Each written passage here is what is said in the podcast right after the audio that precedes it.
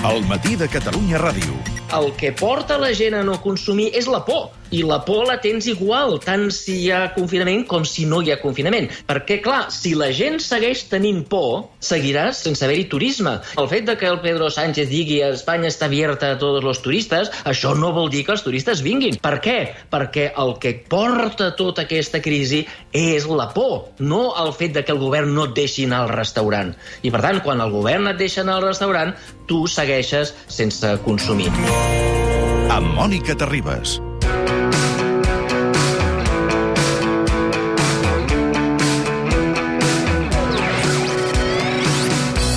Professor Xavier Sala i Martín, molt bon dia.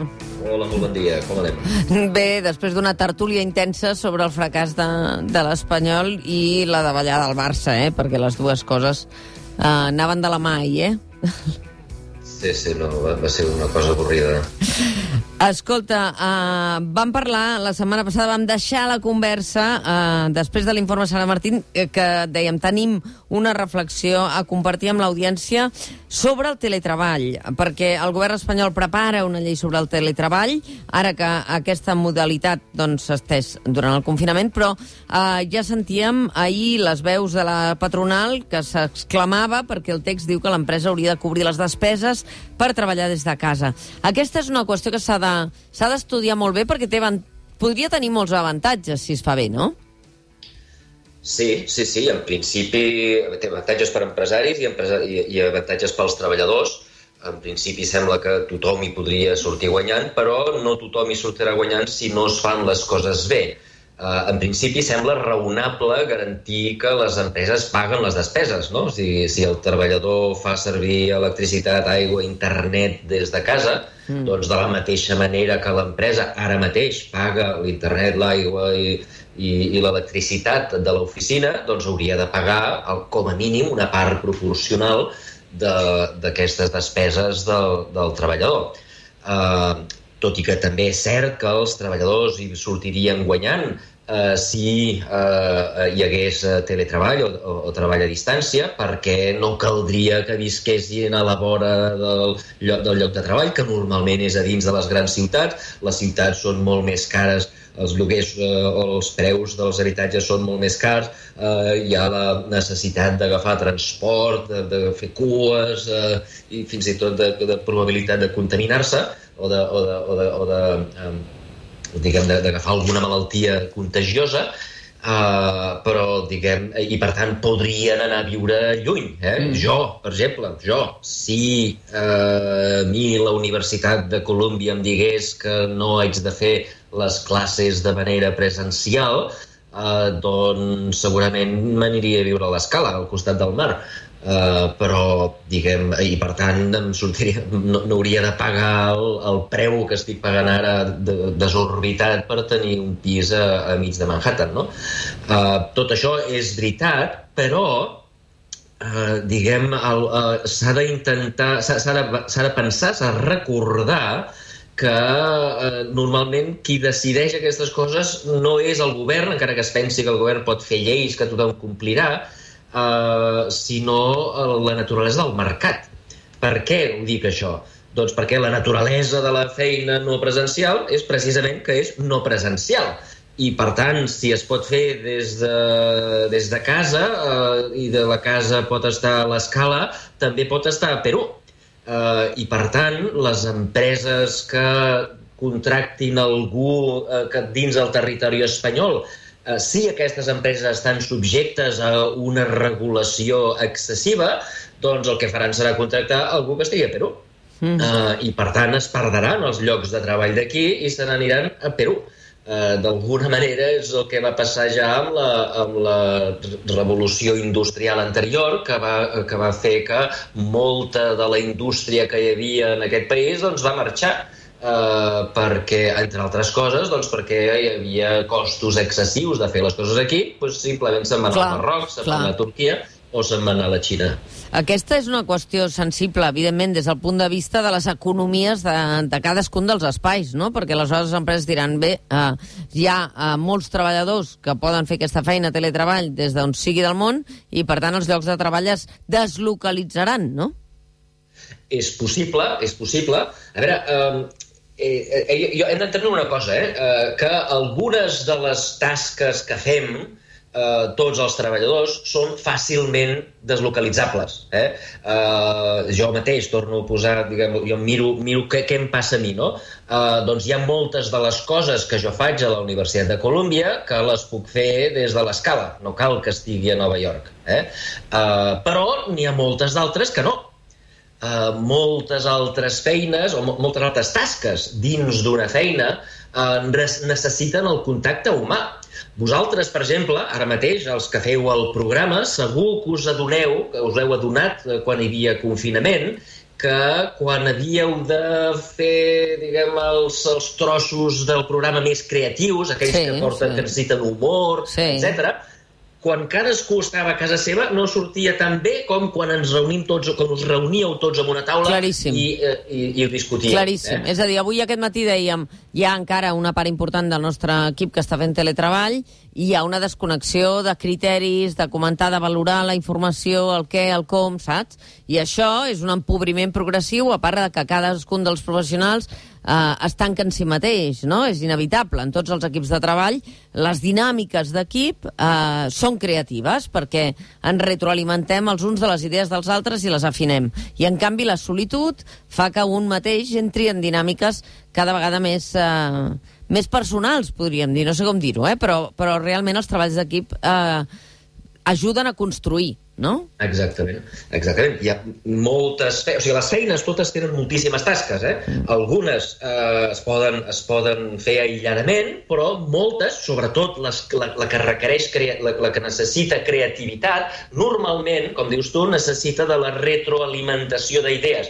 Rarament un té una idea a la dutxa al matí quan es, eh, quan s'està dutxant i, ostres, eh, aquesta idea és fantàstica. No, normalment, tots ens ha passat, és que ens pensem que la idea és brillant, però però després la comuniquem a algú i ens diu, pues, escolta, mira, mira aquest altre angle, fes d'aquesta altra manera, la idea va evolucionant fins que arriba la idea final, que sí que és brillant, però que és diferent de la que havies tingut al matí. L'intercanvi humà és molt necessari, eh, sobretot per les feines més creatives. En la mesura que moltes feines tenen eh, tasques eh, que es poden eh, que es poden fer de, la, de, de, des de la distància i feines que no, és possible que el que acabi sortint siguin treballs híbrids, on una, no cal que vagis a treballar a la fàbrica o a l'empresa cada dia o a l'oficina cada dia, eh, sinó que ja hauràs d'anar potser dos dies a la setmana o tres dies a la setmana. Eh? Eh, és a dir, que una part de cada feina es pot fer des de lluny, es podrà fer des de lluny, i en aquest sentit, en la mesura que això sigui cert, eh, doncs serà molt més difícil portar aquestes feines a Perú.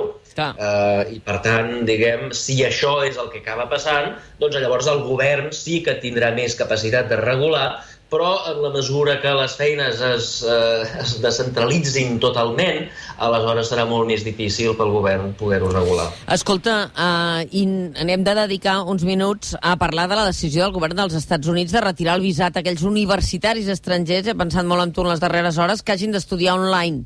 Això ha portat molta cua a les xarxes, començant per la Universitat de Harvard. Suposo que a la Colúmbia també teniu molts estudiants eh, que, fan, eh, que estan en aquesta posició. N'ha parlat l'MIT també eh, i moltes universitats eh, s'han queixat d'aquesta decisió i això ha passat ja a l'àmbit polític. El senador demòcrata Bernie Sanders deia la crueltat d'aquesta Casa Blanca no té límits. Els estudiants estrangers estan sent amenaçats amb una tria, arriscar la vida anant a classe presencial o ser deportats. Uh, com ho viu un professor de la Colúmbia, això? Oh, bé, és, terrorífic. Uh, diguem, no, no és sorprenent, perquè no sé si recordeu que la, la primera gran decisió del Trump la, diguem, al gener del 2017, recordeu, va ser restringir els visats a tota una sèrie de països, com l'Iran, uh, que ell pensava que eren perillosos, sí. i ja en aquells moments recordo que vam fer un programa on jo vaig explicar lo nefast que això era per la universitat.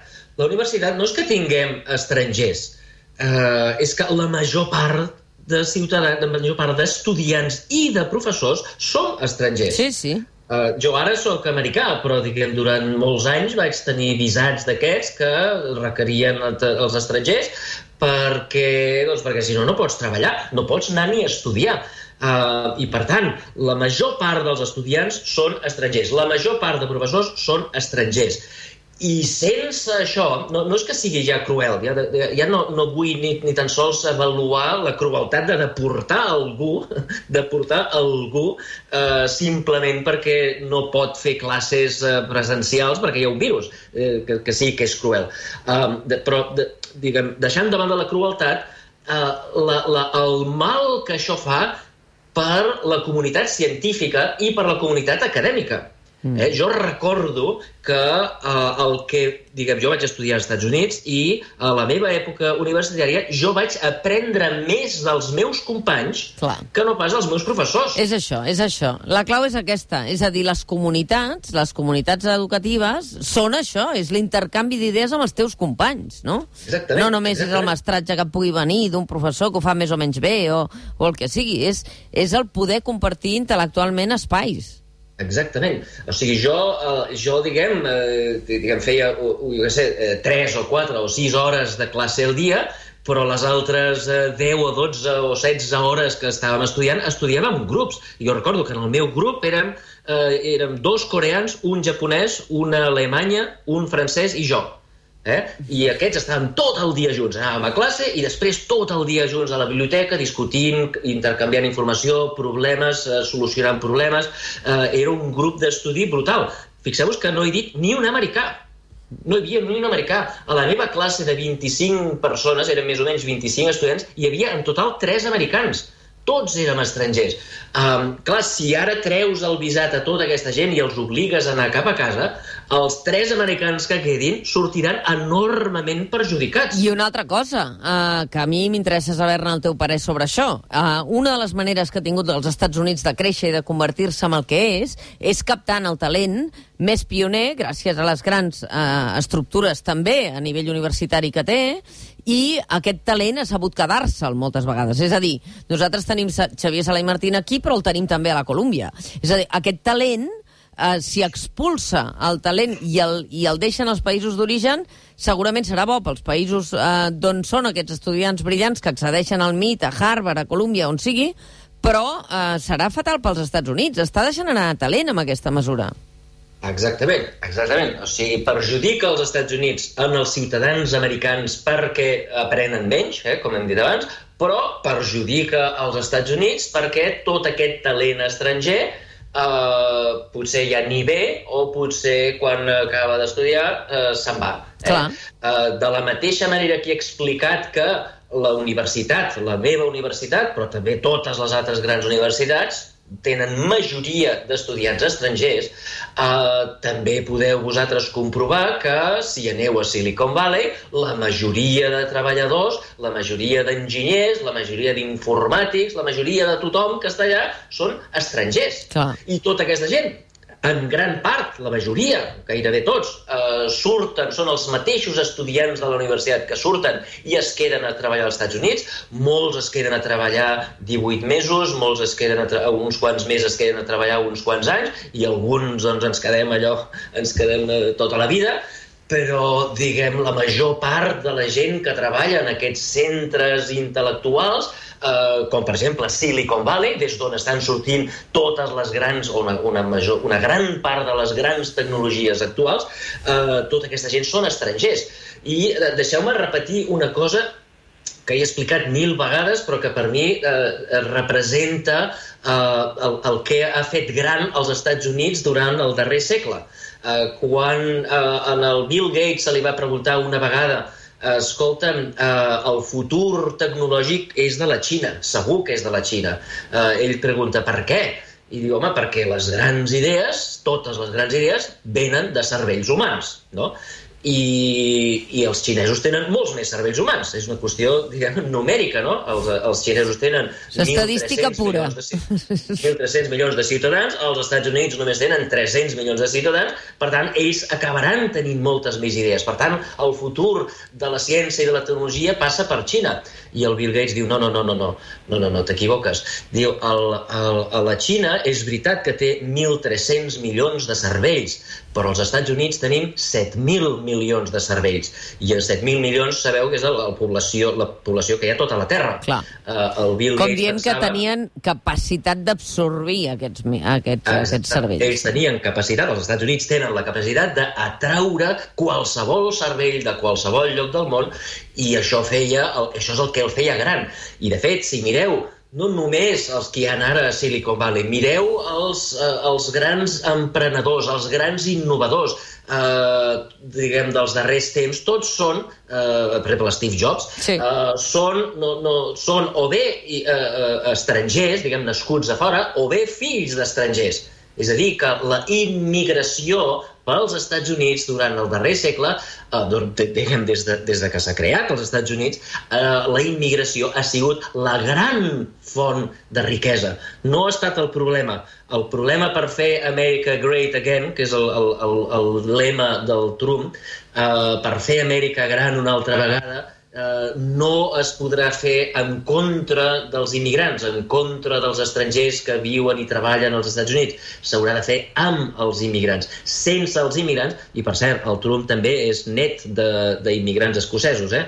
Uh, per tant, eh, com, com la resta d'americans, vull dir, tots els americans són gairebé, gairebé tots, excepte els, uh, els indígenes que estan tancats a les reserves, uh, a les reserves uh, gairebé tots són immigrants. El, els Estats Units s'han construït amb immigrants i se, se segue, els, els Estats Units s'estan fent grans o s'han fet grans i el progrés econòmic dels Estats Units s'ha fet gràcies als immigrants. Quan el Trump fa aquestes lleis per expulsar immigrants o per evitar que els immigrants eh, diguem, segueixin estudiant i treballant als Estats Units, l'única cosa que aconsegueix és no fer Amèrica Great, sinó fer-la petita, fer-la miserable i, eh, eh, i fer-li perdre tota la riquesa que podria tenir si els immigrants eh, es quedessin a les universitats i es quedessin a les empreses.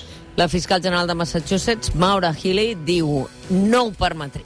Veurem eh, quina és la batalla després d'això, però ens espera una tardor, eh, estimat Xavier Sala i Martín, amb unes eleccions al novembre. Veurem si aquest home encara aguanta una altra legislatura. Una abraçada, que tinguis un bon Esperem dia. que no.